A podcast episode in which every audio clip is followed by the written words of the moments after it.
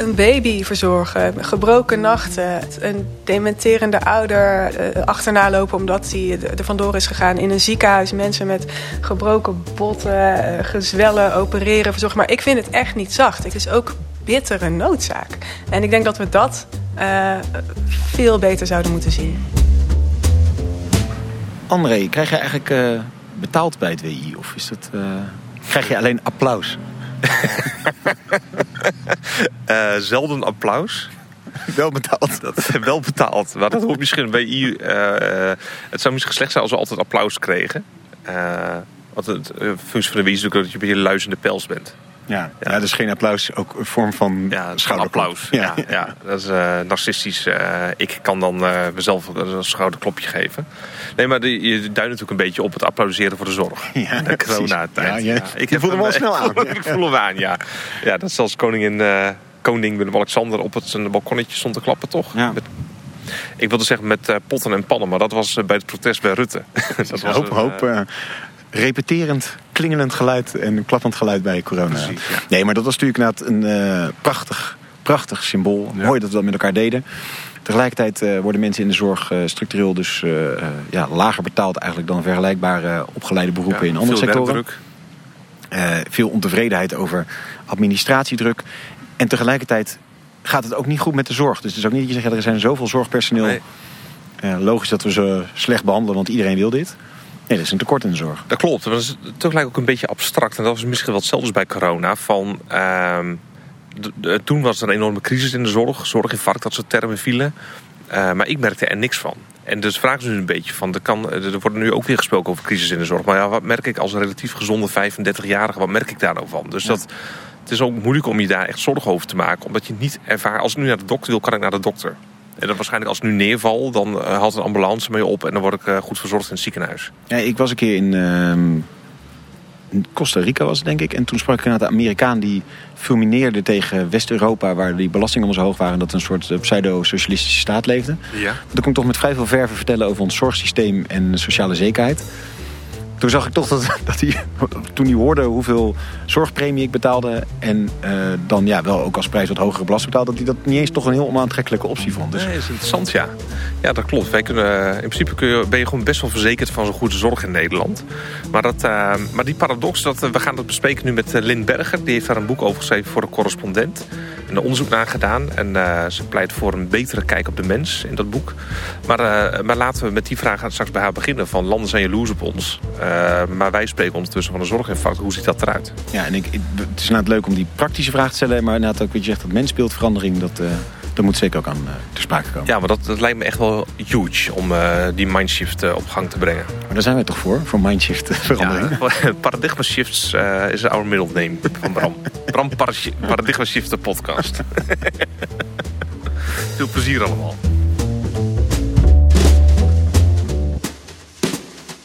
Lin, fijn dat we bij je te gast mogen zijn. Dankjewel. Jullie bedankt. Uh, leuk om je te spreken. En om een thema met de deur in huis te vallen. Veel landen om ons heen hoor je dan, die zijn jaloers op het Nederlandse zorgstelsel. Dat, dat moet de top of the bill zijn. Uh, top of the mountain, hoe, we het ook noemen. Maar ondertussen wordt hier van een zorginfarct gesproken. En ik ben eigenlijk wel benieuwd, uh, wat bedoelen we daar nou precies mee? Ja. ja, de term zorginfarct die begon voor het eerst rond te zingen tijdens de derde coronagolf. Uh, dus dat is, uh, hebben we het over, eind 2021, begin 2022. Ja, alweer. Ja, en um, toen was er ook weer een, uh, een, een, lockdown. En wat er toen speelde was dat uh, de intensive cares, die, uh, nou, die zaten vol. Er was niet genoeg personeel om daar voor mensen te zorgen, dus daar kon niemand meer bij. Um, maar ook de spoedeisende hulp, de verpleegafdelingen uh, kampten met personeelstekorten en de, de huisartsen ook. Er waren ook niet genoeg thuisverpleegkundigen en niet genoeg mantelzorgers. Dus patiënten konden niet naar de intensive care en ze konden vanuit daar ook niet doorstromen naar andere vormen van zorg. En dat was zo'n groot probleem dat eigenlijk de hele samenleving voor de derde keer op slot moest. Er moest een lockdown komen, omdat uh, nou ja, als mensen niet verzorgd kunnen worden, dan loopt eigenlijk al het andere ook vast. Dus daar werd toen de term zorginfarct gebruikt. Van nou, we, we, we stevenen af op een zorginfarct, alles, uh, er is niet genoeg zorg en daarom loopt alles vast. En uh, nou, corona ging voorbij, die golf ging, of tenminste min of meer voorbij, die, die golf werd weer opgelost en die term die verdween weer een beetje naar de achtergrond. Maar wat eigenlijk heel veel deskundigen toen al zeiden was, ja, wat we nu zien gebeuren in een soort onder een vergrootglas, is eigenlijk wat in de, het hele zorgstelsel op een lager pitje al aan de hand is. Ja, Ja, dit was een soort snelkookpan waar het even in gezet werd. Ja. Maar dit is gewoon al gaande. Dit is al gaande. Iemand vergeleek het met een, een veenbrand die eh, onder, ondergronds sluimert en dan even oplaait. Ja. Maar als het dan weer geblust is, dan is het niet verdwenen. De, de dreiging van een eh, steeds groter wordende vraag naar zorg en een aanbod dat niet meegroeit. Ja. En het aanbod groeit niet mee omdat er niet genoeg mensen zijn eh, die die zorg kunnen leveren. En dat is eigenlijk het zorginfarct. Precies. En, en hoe waardeer je dat, dan de huidige situatie? Stevenen we af op een zorginfarct of is er een zorginfarct? Nee, we zitten er al in. Oké. Ja, het is al begonnen en dat merk je aan ja, hele lange wachtlijsten in eh, verschillende sectoren. Ehm, je merkt het aan een groot aantal openstaande vacatures. Ik heb net nog even gecheckt. Het staat nu op 55.500 eh vacatures in de zorg. 49.000 ten tijde van je boek. Ja, ja nee, moet dus het gaat, het ja. gaat de goede kant op. Ja. Ja. Ehm, en ook een groot eh, ja, verloop en hoog verzuim in de zorgsector. Ja. Ehm, maar, en het is niet alleen in de professionele zorg dat we die mismatch zien tussen vraag en aanbod, maar eigenlijk ook in de informele zorg. Dus het gebied van mantelzorgers, eh, maar ook ouders die voor kinderen zorgen en die eigenlijk het gevoel hebben dat ze dat met een tweeverdienersmodel niet kunnen bolwerken. Dus dat zou dan meer in de leefomstandigheden zitten dat het niet te matchen is. Want die mensen zijn er wel om mantelzorg te zijn. Kan ja, voorstellen. deels. Ehm, eh, eh, er zijn ouders die voor kinderen kunnen zorgen, dat, die zijn er. Ja. Eh, wat mantelzorg betreft is het. en het is eigenlijk dezelfde reden waarom we een zorginfarct zien in de professionele zorg. Dezelfde, dezelfde oorzaak zorgt voor een zorginfarct in de infor- informele zorg. En dat he- heeft voor een groot deel te maken met de vergrijzing. Dus we worden steeds ouder, we, leven, we zijn ook steeds langer oud en we zijn met veel meer ouderen. En hoe ouder je, nou, als je, op een gegeven moment als je oud bent, heb je een Ja. grotere zorgvraag. Maar vergrijzing betekent ook ontgroening. Er zijn steeds minder jonge mensen. Er zijn dus steeds minder jonge mensen die in de zorg kunnen werken. Maar er zijn ook steeds minder jonge mensen die mantelzorg kunnen verlenen. Dus een aantal jaar geleden was het aantal beschikbare mantelzorgers per hulpbehoevende ouderen was eh, eh, 15 op 1. En dat is over een paar jaar nog maar 6 op 1. Dus daar zie je, het aantal mantelzorgers neemt wel degelijk af. Ja, en Ja. die druk zit dus niet alleen aan die professionele kant... of alleen in die mantelzorgkant, maar gewoon in het hele geheel. Ja. En plus nog, weet ik veel, de, de belastingopbrengsten die er moeten zijn... om die zorg te kunnen betalen, et cetera. Dus het, Ja. het snijdt echt aan alle kanten. Ja. ja, want dat is inderdaad ook een, een ander onderdeel wat vaak wordt genoemd over, als het gaat over de problemen in de zorg, is dat de zorguitgaven nemen enorm toe. Ja. Het is nu voor het eerst eh, in de geschiedenis geloof ik dat zorgkosten de grootste uitgavenpost zijn van, eh, van de overheid. Dat was altijd sociale zekerheid, maar zorg heeft het ingehaald. En dat gaat ook alleen nog maar toenemen. En dan is inderdaad de vraag, hoe gaan we dat betalen, ten koste van wat? Ehm, dus ja, Ja. Hey, en als ik iets terug mag in de tijd nog van... eh, ik weet dat je in ten tijde van Fortuyn... die heeft op een gegeven moment zo'n uitspraak gedaan van... Els Borst heeft meer doden op de geweten dan Osama Bin Laden of iets. Of nou, in ieder geval een hele valse eh, vergelijking. Ehm, maar dat was ook over wachtlijsten in de zorg, zeg maar. Is het in, eigenlijk gewoon nooit opgelost? Of is er toen wel iets gebeurd wat het toenmalige probleem oploste? Ja, dus dat, dit was dan denk ik eind jaren 90, begin Ja. jaren 2000 waren er ook al eh, hoge wachtlijsten in de zorg. En wat er toen ehm, is bedacht is dat we door eh, het introduceren van marktwerking eh, daar iets aan zouden kunnen doen. Dus het idee was als zorginstellingen en zorgverzekeraars met elkaar gaan concurreren om de gunsten van de zorgklant. Eh, dan word je dus ook een klant in, in een markt. Ehm, Interessant mensbeeld. ja, dan zullen eh, zorgaanbieders efficiënter gaan werken. Want zo werkt dat met vraag en aanbod. Ehm, en er is ook flink geld gegeven aan zorginstellingen om die wachtlijsten terug te dringen. Dus dat is toen wel eh, omlaag gegaan. Ehm, maar het probleem met, eh, met, met marktwerking, of dat idee van vraag en aanbod, dat, dat, dat werkt niet in tijden van schaarste. Ehm, dan is er niet zoveel te kiezen. En je kunt de zorg niet eindeloos efficiënter maken. Dus de, de, de grenzen van dat model, van dat idee, die zijn vrij snel alweer bereikt. Ja, want je zegt dat in tijden van schaarste werkt het niet. Eh, want als je nu de concurrentie invoert, gaan mensen gewoon jagen naar dezelfde zorgpersoneel. Maar het worden er niet meer. Zeg maar. Ja, ja je kunt niet. eh, eh, kijk, zor- zorg is, is toch voor het grootste deel mensenwerk. Zeker als de grootste tekorten zitten bij verpleegkundigen en verzorgenden. Dat is gewoon arbeidsintensief werk, waarbij één iemand voor één ander iemand zorgt. Dat kun je niet eindeloos eh, efficiënter maken. En je trekt ook niet zomaar een nieuw blik Nee. zorgverleners open. Nee. En interessant is, als ik een beetje hard op filosofie, je zou ook zelfs kunnen zeggen dat marktwerking schaarste creëert. Want de markt is gebaat bij schaarste. Ja, Als je een economisch model op zorg plakt, dan uh, moet het aanbod wat naar beneden om, om de uh, vraag toe te laten nemen, zodat je, je, je prijzen op kunt drijven. Zeg maar. Dus als je puur economisch aan de kijkt, nou goed, dat is een zijstapje. Ja. Maar, maar misschien is de schaarste door aangewakkerd, uh, zou je dat kunnen zeggen. Nou ja. efficiëntie. Ja, deels denk ik. De schaarste is deels heeft, heeft te maken met die, nou, die hele economische benadering, maar ook deels wel echt met demografie. Ik denk die, die vergrijzing. Ja. De vergrijzing is niet per se de oorzaak hiervan, maar hoe we hoe we dat dan vervolgens kanaliseren, weer wel. Hè? Want uh, nou, nu de minister in het Integraal Zorgakkoord staat ook... ja, we willen niet dat het aandeel werkende in de zorg stijgt. Dus, uh, want we hebben ook in andere sectoren mensen nodig. Maar we weten dat de vraag ernaar wel stijgt. Dus dan, daarin creëer je ook al schaarste. Um, maar ik denk dat zorg eigenlijk op een veel fundamenteler niveau... altijd een schaars goed is. Om de simpele reden dat het dat zorgen werk is. En dus tijd kost en energie en tijd om ervan te herstellen. En dat, je, dat het aanbod van zorg dus sowieso niet altijd maar mee kan groeien met de vraag. Ja. En um, de manier waarop we zorg lang hebben gezien... is niet als een schaars goed, maar als een eindeloos voorradige grondstof. Uh, waar we maar uit kunnen blijven putten. Uh, en dan groeit het vanzelf wel weer aan, zonder dat we daar iets voor hoeven te doen. Ja. Meent, zou uh, Thijs Lijsten misschien zeggen. Ja. ja. Een, een, onuitputtelijke bron van, ja, waar je het uit kan halen. Maar, ja, maar het idee van de meent is wel dat je ook iets weer eraan terug moet geven. En dat hebben we met zorg heel lang niet gedaan. Dat doen we nog steeds niet. Dus we onttrekken het aan mensen, zoals we olie onttrekken aan, uh, aan de aarde. Uh, maar we geven die mensen niet genoeg tijd en ruimte en energie om, er, om ervan te herstellen. Ja, interessant.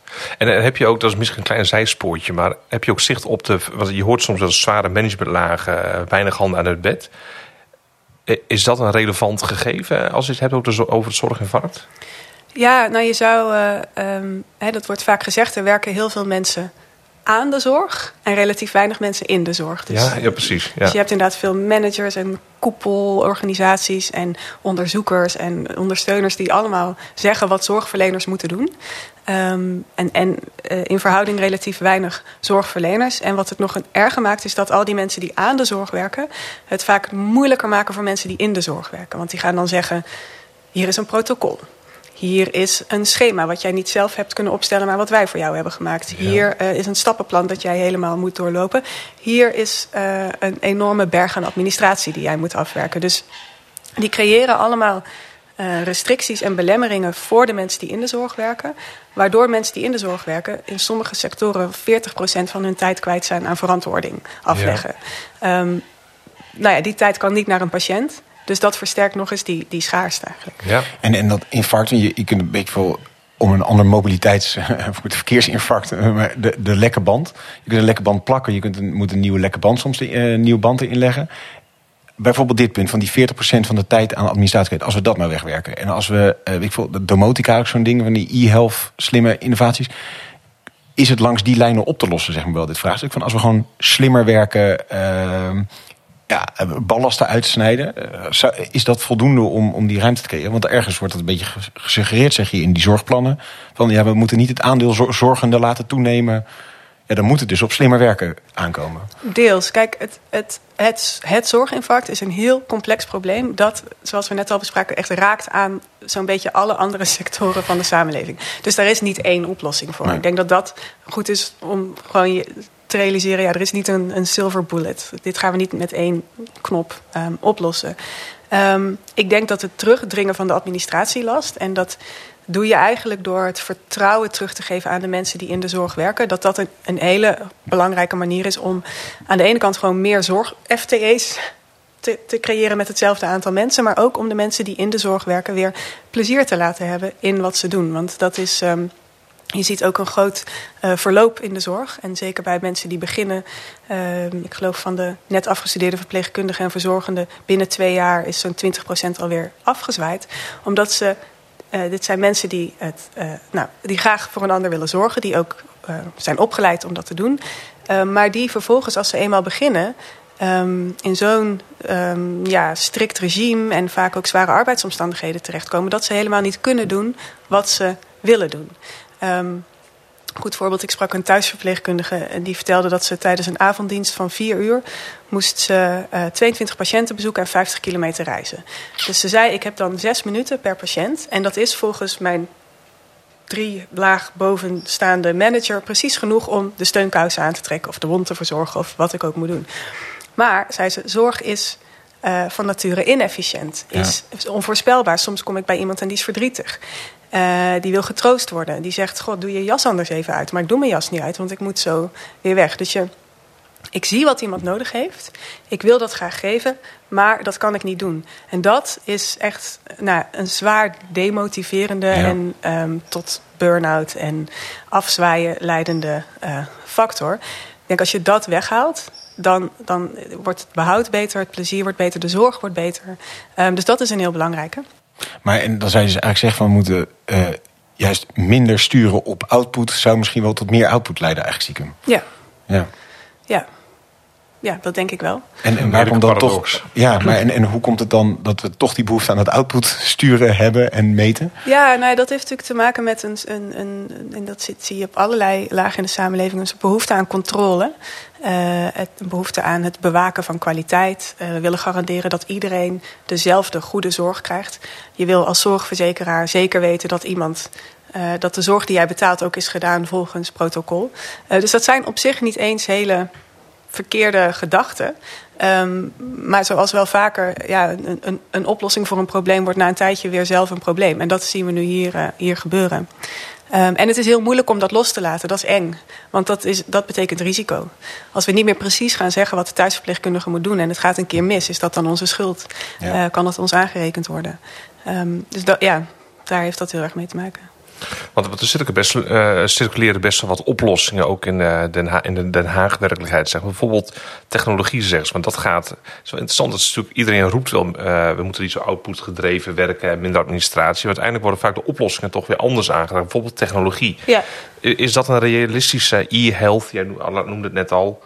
Uh, zorgrobots. Uh, is dat het, de, de kip met de, met de gouden eieren? Ja, de kip met gouden eieren bestaat dus niet. En de zilverboelen bestaat niet. Ik denk misschien geen zilverboelen, maar wel een kip met gouden eieren. Ja. Dat is gouden eieren. Ja. Dat probeer ik langs die kant. nee, daar wordt natuurlijk veel van verwacht. E-health, uh, zorg op afstand. Um, een, een robotje dat jou vertelt wanneer je je medicijnen in moet nemen. En daar wordt ook veel onderzoek naar gedaan.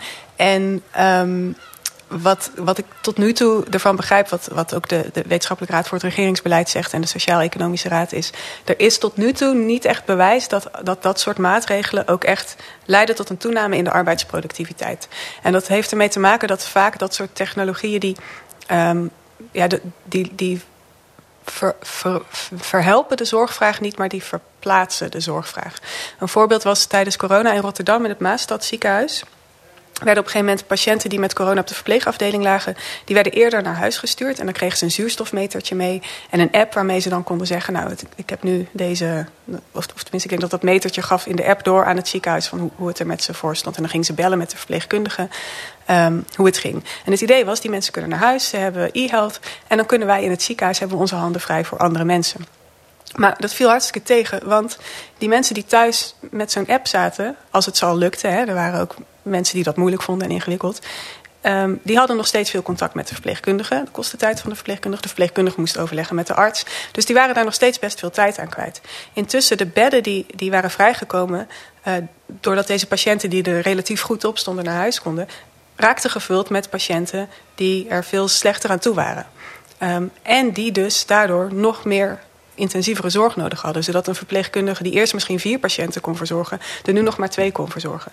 Dus het ziekenhuis zei ja, het, het, heeft, ons, het heeft de zorgverzekeraar geld gescheeld. Want die mensen die thuis werden ja. behandeld kosten minder geld. Maar het heeft ons eigenlijk geen um, uh, ja, extra handen opgeleverd.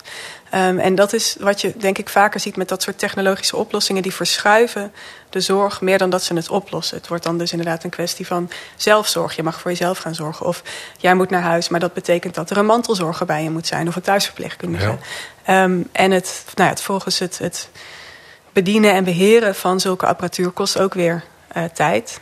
En wat ik me ook kan voorstellen is dat je als thuisverpleegkundige het misschien leuker vindt om bij iemand thuis te komen dan om op een soort kantoortje ja. naar zeven monitoren te kijken. Dus dat dat ook weer ja. demotiverend werkt. Uh, er zijn ongetwijfeld toepassingen die uh, het, het zorgen makkelijker en efficiënter maken. Dat het fijn is dat mensen niet voor elke controleafspraak naar het ziekenhuis hoeven. Maar uh, denken dat dit um, nou ja, dat dit het gaat oplossen, dat, dat gaat het niet doen. Nee. Dat is interessant. Ja. Ik denk natuurlijk met zorg is ook een, een potentiële kip met een gouden eieren. Is er nog een andere variant nog? Blijven het proberen. Wij willen niet aan de urgentie. Van Nou ja, misschien hebben we inmiddels al zoveel kip inderdaad genoemd Ja. dat, dat het al duidelijk is. Maar eh, preventie is natuurlijk ook altijd echt een, een ultiem. Dat geldt natuurlijk voor alle dingen altijd. Ja. Eh, eh, en Dus de vraag verminderen. ja, precies. En ergens is het natuurlijk ook met deze technologie de vraag van... Goh, als het nog niet lukt, is dat omdat we het nog onvoldoende doen? Weet je, moeten we gewoon even nog doorzetten... en komt het op een gegeven moment wel of niet? Maar bij preventie is natuurlijk ook wel zo'n ding. Daar moeten we op investeren als mensen een gezondere levensstijl... leven langer, leven langer eh, gezond. Is dat wel echt een hele kansrijke route die we moeten inzetten? Ja, nou met preventie is het eh, ingewikkeld. Ik, ik denk wel dat, eh, dat, dat meer investeren in preventie heel belangrijk is. Er gaat nu nog een heel klein percentage van het zorgbudget gaat naar eh, preventie. Maar goed, preventie is natuurlijk ook eigenlijk veel breder dan zorg. Want wat Ja. maakt mensen ziek? Nou, stress, armoede, een prestatiesamenleving. Dus eigenlijk, ja, als je echt aan preventie wil doen, dan moet je de hele samenleving Ja. verbeteren. Ehm, Ja, de meest ultieme preventie is dat het inderdaad gewoon nog geen zorg is, zeg maar. ja, ja. Ehm, en op zich is het natuurlijk zo, op het moment dat mensen niet overgewicht krijgen, op het moment dat mensen niet roken, op het moment dat mensen niet veel drinken, niet eh, zwaar depressief worden eh, als ze jong zijn, dan ehm, vragen ze minder van de gespecialiseerde zorg. Ze worden waarschijnlijk wel ouder en hebben dan Ja. ouderenzorg nodig. Dus de, het, idee, het idee dat het goedkoper is uiteindelijk, dat durf ik eigenlijk maar niet voor in het vuur te steken. Je, je- nogmaals, op, opnieuw eigenlijk verplaats je de kosten. Wat krijg je ervoor terug? Mensen die langer gezond zijn, kunnen deelnemen in het arbeidsproces, eh, zorg kunnen dragen voor anderen. Dus, Ja. dus, dus, Levenskwaliteit. Ja, precies. wel- ja. Dus ik denk dat je, het, dat je het wel moet doen, maar dat je niet moet verwachten dat de zorg daardoor eh, eh, goedkoper gaat worden. Ehm, en het, het, nou, het ingewikkelde aan preventie, dus of waarom we er zo weinig aan doen, is natuurlijk dat het inderdaad iets is van de lange adem. Je hebt eh, twee generaties nodig om de vluchten ervan, Ja. of de vruchten ervan te zien. En dat maakt het minder aantrekkelijk voor eh, ministers die misschien vier of acht jaar meebreien. Eh, voor eh, ministeries die worden afgerekend op hele harde Ja. resultaten. Ehm, maar goed, daar kun je natuurlijk wel manieren voor verzinnen om dat meer aan te moedigen. Interessant. In ons, eh, een van de vorige gesprekken met minister Hugo de Jonge... die had het over de preventieparadox. Ja, Een bekende term. Jij zult hem ook tegengekomen zijn in je onderzoek naar de zorg. ja. Dat, dat speelt hier misschien ook. Van dat mensen uiteindelijk de urgentie ook minder gaan zien. Van, eh, Zeker, ja. Hoe, hoe beter je bent in preventie, hoe minder belangrijk het, het lijkt. Dat zie je natuurlijk ook met vaccinaties. Dus dat weet ik veel. Vaccineren tegen de mazelen eh, gaat zo goed dat mensen nu denken: ja, waarom zou ik me er tegen vaccineren? Niemand heeft de mazelen. Ja, precies. Ja. Het is een beetje, ja, ik, ik denk, ik moet altijd heel erg denken aan eh, het verschil tussen onderhoud en innovatie. We zijn heel erg dol op innovatie. Nieuwe producten, nieuwe technologieën die ons leven verbeteren. Ehm, en onderhoud, zeg maar, je hebt niks aan innovatie als je niet ook aan onderhoud doet. Je hebt niks aan een nieuw vliegtuig als je dat vliegtuig niet onderhoudt. Ja.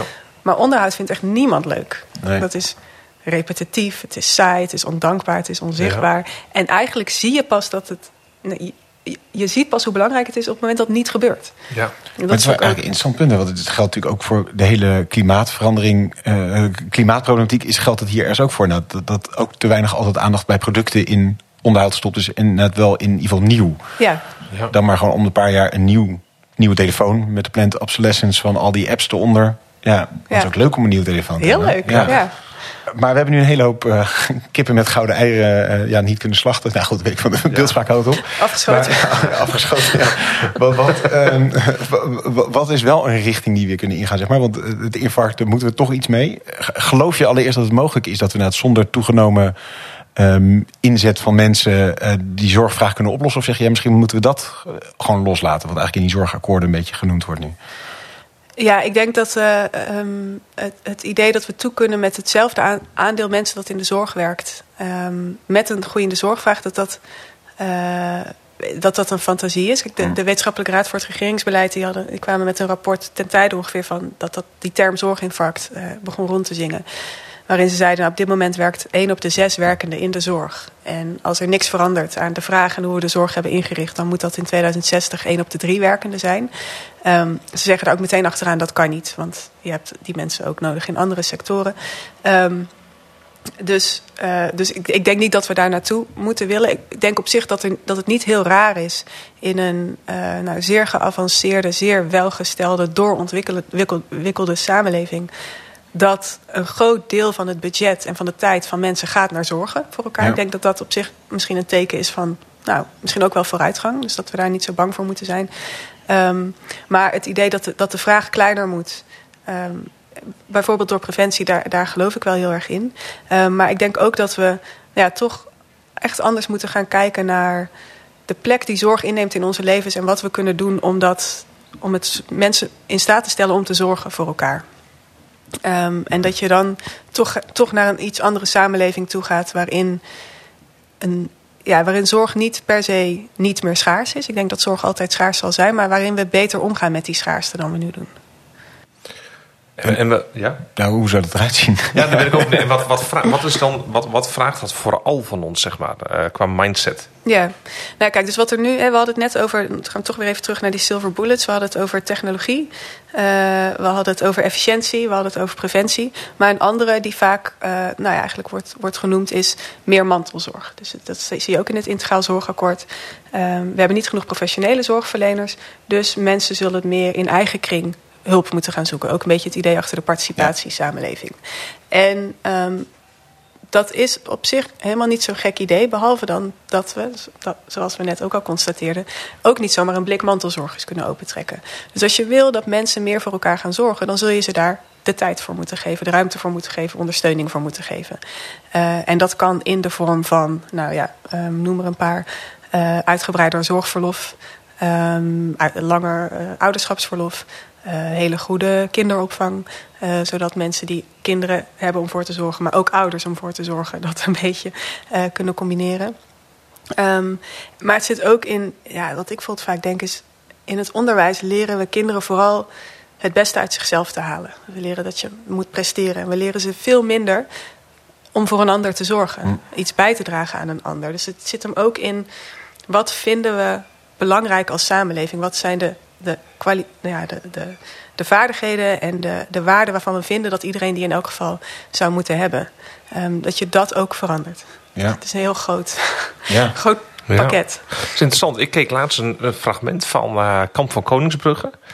Uh, ik trek dat niet. Ik vind het te militaristisch. En, uh, maar ik, en het fragment wat ik zag, dat bevestigde mij erin. Er viel iemand flauw na een hele zware inspanning. En mensen uit die groep wilden helpen. Maar ze stonden ook in het gelid voor de officier, zeg maar. En die uh, blafte hen toe dat ze niet mochten helpen. Want wat belangrijker is, is discipline en luisteren naar hem. En hij geeft het de opdracht. En in de samenleving is een soort, uh, als ik mensen ook CDA's erover hoor zeggen, dat is een fantastisch programma. Dan leer je weer omzien naar elkaar. En dan leer je weer wat teamgevoel is. Dan denk ik van volgens mij benadrukken we hele verkeerde dingen in het samenleven. Uh, met elkaar. Ja. En hebben een soort fascinatie voor die discipline in plaats van voor de meer zachte, kwetsbare, zorgzame kant ja. van ons als mensen. Ja, het is een hele goede metafoor, die, uh, die aflevering eigenlijk, van, ja. van hoe, hoe het nu in de samenleving gaat. En maar ik vind het ook wel interessant dat we het dus dan hebben over het, het harde van het presteren en het zachte van zorg. Ja, Want, dat is zacht. Ja. ja, eigenlijk denk ik, waarom noemen we zorg zacht? Zeg maar, ik vind. Nou ja, jij, jij hebt ook kinderen. Ik weet niet of jij ook kinderen hebt. Nee, ik heb een kat, zeg ik altijd. Een kat, dat ja. Daar ben je ongeveer even druk mee, toch? Mensen die mij op Instagram volgen weten dat ik een kat heb. Je hebt je tuin harder onder handen moeten nemen voor je kat dan ik voor mijn kinderen. Ja, voor je kinderen, zeker waar. Maar zeg maar, een baby verzorgen, gebroken nachten, um, met een dementerende ouder uh, achterna lopen omdat hij er vandoor is gegaan in een ziekenhuis, mensen met gebroken botten, uh, gezwellen, opereren, verzorgen. Maar ik vind het echt niet zacht. Ik nee, vind zorg nee. eigenlijk gewoon keihard ja. werken. Ook het, het meest wezenlijke, meest fundamentele werk dat er is voor ons als mensen. Ik vind Ja. het ontzettend stoer dat mensen ook nog eens beroepsmatig zorgen.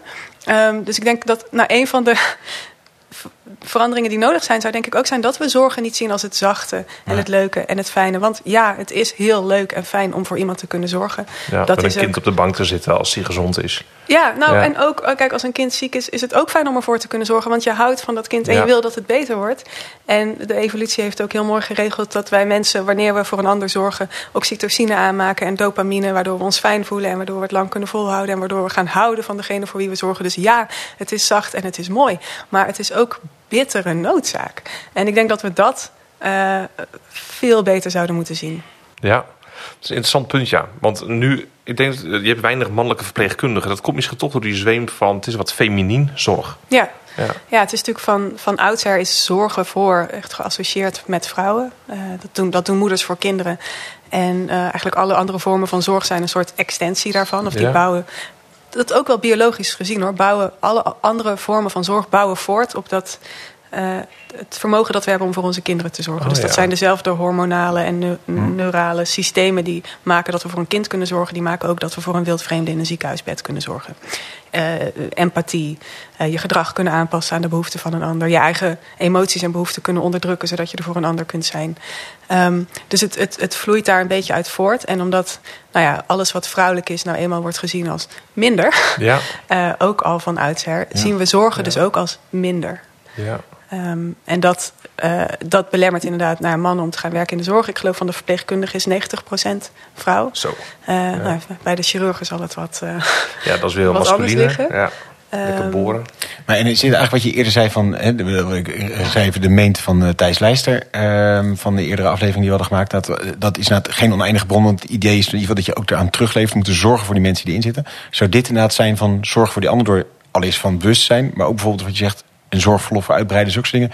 Is dat de manier om die bron, nou niet oneindig te krijgen, maar oneindiger te krijgen? Nou, om hem te ondersteunen. Het is, Ja. om, om hersteltijd te geven aan mensen die zorgen. Om, eh, om mensen in staat te stellen om te zeggen... ja, ik, ik, ik, ik, ik heb een voltijdbaan en die doe ik graag... eh, omdat ik hem wil bijdragen aan de samenleving. Maar ik wil ook bijdragen aan de samenleving... door, door voor mijn vader te zorgen die nu heel ziek is. En dat, dat doe ik niet in twee weken tegen 70% van mijn loon. Zeg maar. dat, daar heb ik meer tijd voor nodig. Ja. Ehm, en meer ja, financiële zekerheid. Dus ik denk dat dat echt een manier is om, eh, ja, om, om, om zorg te, te ondersteunen. En dat is iets wat bedrijven kunnen doen. En je kan als werkgever gewoon zeggen... nou, bij ons hebben alle werknemers eh, langer zorgverlof. Eh, het is ook iets waar de overheid zich hard voor kan maken. Ehm, en om ook nog even terug te komen op, op die mannen... denk ik dus dat ook een heel belangrijke manier is om zorg te ondersteunen... is door het, het eh, geboorteverlof en het ouders, ouderschapsverlof... Voor, voor vaders en moeders gelijk te trekken. Want nu eh, hebben moeders veel, meer, veel langer verlof dan Ja. vaders. Waardoor zij ook eh, veel meer oefenen in zorgen. Ja, Zorgen is als fietsen. Je En leert het door het ook meer gaan doen. En het meer gaan doen. Eh, wat nou ja, allerlei financiële en structurele ongelijkheden tussen mannen en vrouwen in stand houdt. En wat mannen nou, minder aanmoedigt om te zorgen. Maar, en dat is vervelend, want we hebben zoveel zorg nodig als we, Ja. als we kunnen krijgen. Maar het is ook een gemis voor veel mannen. Omdat zorgen dus eh, nou ja, vaak een belangrijke bron is van betekenis voor mensen. Het, het gevoel geeft dat ze ertoe doen. Eh, dat mis je ook als je, als je het minder kan doen. Ja, het is natuurlijk wel de ultieme eh sterfbed-opmerking. Maar dat is altijd van ja, weinig mensen zeggen ik had meer moeten werken. En iedereen zegt ongeveer ik had meer mijn tijd met mijn geliefde Ja. doorbrengen. Ja. En maar hoeveel dagen is het nu voor mannen? Want het was twee dagen, weet ik nog, toen ik, eh, ik stopte toevallig net met werken, eh, ging zelfstandig. Maar dat was twee dagen toen inderdaad. Ja. Dat is echt een, gewoon, is alleen al gewoon, eh, zeg maar technisch gezien krankzinnig al. Want, Ja, eh, dat is een grap, Ja, toch? precies. Ja. Dat sla- want eh, mijn kind werd om iets voor elf geboren, s'avonds. Dus toen had ik mijn eerste dag er al op zitten. Ja. Maar ja, dat is Ja. gewoon absurd. Ja. Ja, nee, en, en daar zijn we, we zijn daar wel van ver gekomen. Want het is nu, geloof ik, ehm, vijf weken en het wordt zeven weken voor vaders. Eh, maar dan tegen 70% van hun loon. Ja, ja. En dat betekent wel dat voor heel veel mensen het gewoon financieel niet haalbaar is om dat verlof op te nemen. En kijk, voor moeders is het 16 weken eh, geboorteverlof, als ik het wel heb. Ehm, je, je geeft er nog steeds met, daarmee de boodschap dat het zorgen vooral de taak is van de moeder. Ja. Ja. Dus je zou dat gelijk willen trekken en ook volledig willen vergoeden. En wat ook heel belangrijk is, we hebben, wat is het, 1,1 miljoen ZZP'ers in Nederland. Die op dat soort regelen, regelingen eh, niet of nauwelijks aanspraak kunnen maken. Maar ja, die moeten ook zorgen. Ehm, dus je wil ook voor ZZP'ers goede verlofregelingen voor, eh, voor het geval ze een zorgtaak krijgen. Want wat, hoe is die verdeling? Je zegt 90% van de verpleegkundigen is vrouw. Hoe zit het bij mantelzorgers? Is dat ook voornamelijk vrouwen die die taken op zich nemen? Mm, Nee, dat is wel ongeveer 50-50 verdeeld. Je ziet dat eh, er zijn veel mannelijke mantelzorgers. Die zorgen dan overwegend voor een partner. Ja. En vrouwelijke mantelzorgers zorgen ook vaak bijvoorbeeld voor een moeder of een tante. Ja, dat- Dus iets, iets, groter zorgbereik. iets groter Ja. zorgbereik, ja. Ja. Ehm, en er zijn wel wat verschillen in het soort zorg. Dus bijvoorbeeld mannelijke mantelzorgers helpen dan relatief vaak met, nou, het is heel stereotyp, ehm, dingen regelen. Oh ja. Uh, wat, Ja. wat heel veel tijd kost. Want we hebben in Nederland ongeveer 88 regelingen en wetten rondom zo- langdurige zorg. En dat uitzoeken eh, is een dagtaak. Um, en, en vrouwen iets meer de praktische en ook vaak um, ja, de wat meer onplanbare vormen van zorg Oh ja. geven. Maar er zijn veel mannelijke mantelzorgers. Er zijn ook veel zorgende vaders. Het ik wil niet mannen bashen. Ja, en, en daar zou natuurlijk ook misschien een reden voor kunnen zijn van het onplanbare. Dat uh, vrouwen in Nederland relatief lager uh, hoe heet het, uh, uren per week werken. Ten opzichte van ook gemiddeld in Europa. Is dat nog een factor in het geheel? Is dat positief dat vrouwen iets meer nog, en de, dat er meer deeltijd gewerkt wordt? Is dat positief omdat het meer ruimte geeft voor die zorg? Of is het negatief omdat het nou, weet ik veel, aangeeft dat die dingen scheef verdeeld zijn in Nederland. Hoe, kijk je daarnaar? Ja, ja en ja. Kijk, als het gaat over personeelstekorten in de zorg... en je ziet dat nou, 80% van de mensen in de zorg is vrouw... 90% van de verpleegkundigen en verzorgenden is vrouw... en die werken dan ook nog eens in grote getalen in deeltijd... dan kun je zeggen, nou, als die nou allemaal een paar uur meer gaan werken per week... dan hebben we ook heel veel extra FTE's erbij... Um, en dat vinden mensen misschien ook wel leuk om te doen. En uh, nou, dan verdienen ze ook wat meer. Dus dan zijn ze ook economisch gezien wat zelfstandiger. Dus dat is allemaal heel logisch gedacht. Uh, waar dan aan voorbij wordt gegaan, is dat de meeste vrouwen met een deeltijdbaan in de rest van die tijd niet op de bank thee zitten te drinken. Maar voor kinderen zorgen, ja. mantelzorg verlenen. Uh, misschien vrijwilligerswerk doen, op school helpen. Um, dat is ook allemaal werk. Het is onbetaald werk, maar het is ook werk. Het is ook zorg die we nodig hebben. En de vraag is dan, ja, wanneer gaan ze dat dan doen? Um, dus, dus als je wil dat, dat vrouwen meer betaald werk gaan doen... dan zul je dat onbetaalde werk, daar zul je iets voor moeten verzinnen. Um, dat kan zijn dat mannen er meer van moeten gaan doen. Maar het kan ook zijn, nou, echt uh, goede gratis kinderopvang voor alle kinderen. Um, en misschien toch ook juist weer meer collectieve woonvormen. We hebben nu alle verzorgingshuizen zo'n beetje gesloten. Ja. Maar uh, al die ouderen die alleen in hun huis zitten, ver van hun kinderen... ik weet niet of dat... Het lijkt me niet de efficiëntste oplossing uiteindelijk. Het is in theorie de goedkoopste oplossing, want mantelzorg kost geen geld. Maar ja, die ja. tijd, het kost wel tijd. En, en, die tijd kun je niet besteden aan iets anders. Het lijkt me ook voor veel mensen niet de gezelligste oplossing. Nee.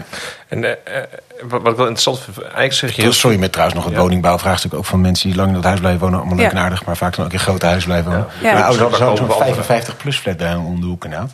Ja. Dat ook zijn 55 plus weer. Ja. Zo jong, die bestaan niet meer. Nee, die bestaan niet meer. Nee. Midden in het leven, weet je wel. Maar ja, dat wel 75 plus woningen kunnen hebben. Ja, precies. Ja. Ja. Ja, sorry. Nee, nee, nee eigenlijk, eigenlijk is het fundamenteel dat je zegt van we moeten gewoon ons mensbeeld een beetje aanpassen. Of een beetje aanpassen, misschien wel heel fundamenteel. Is dat gewoon, moeten we daarmee beginnen?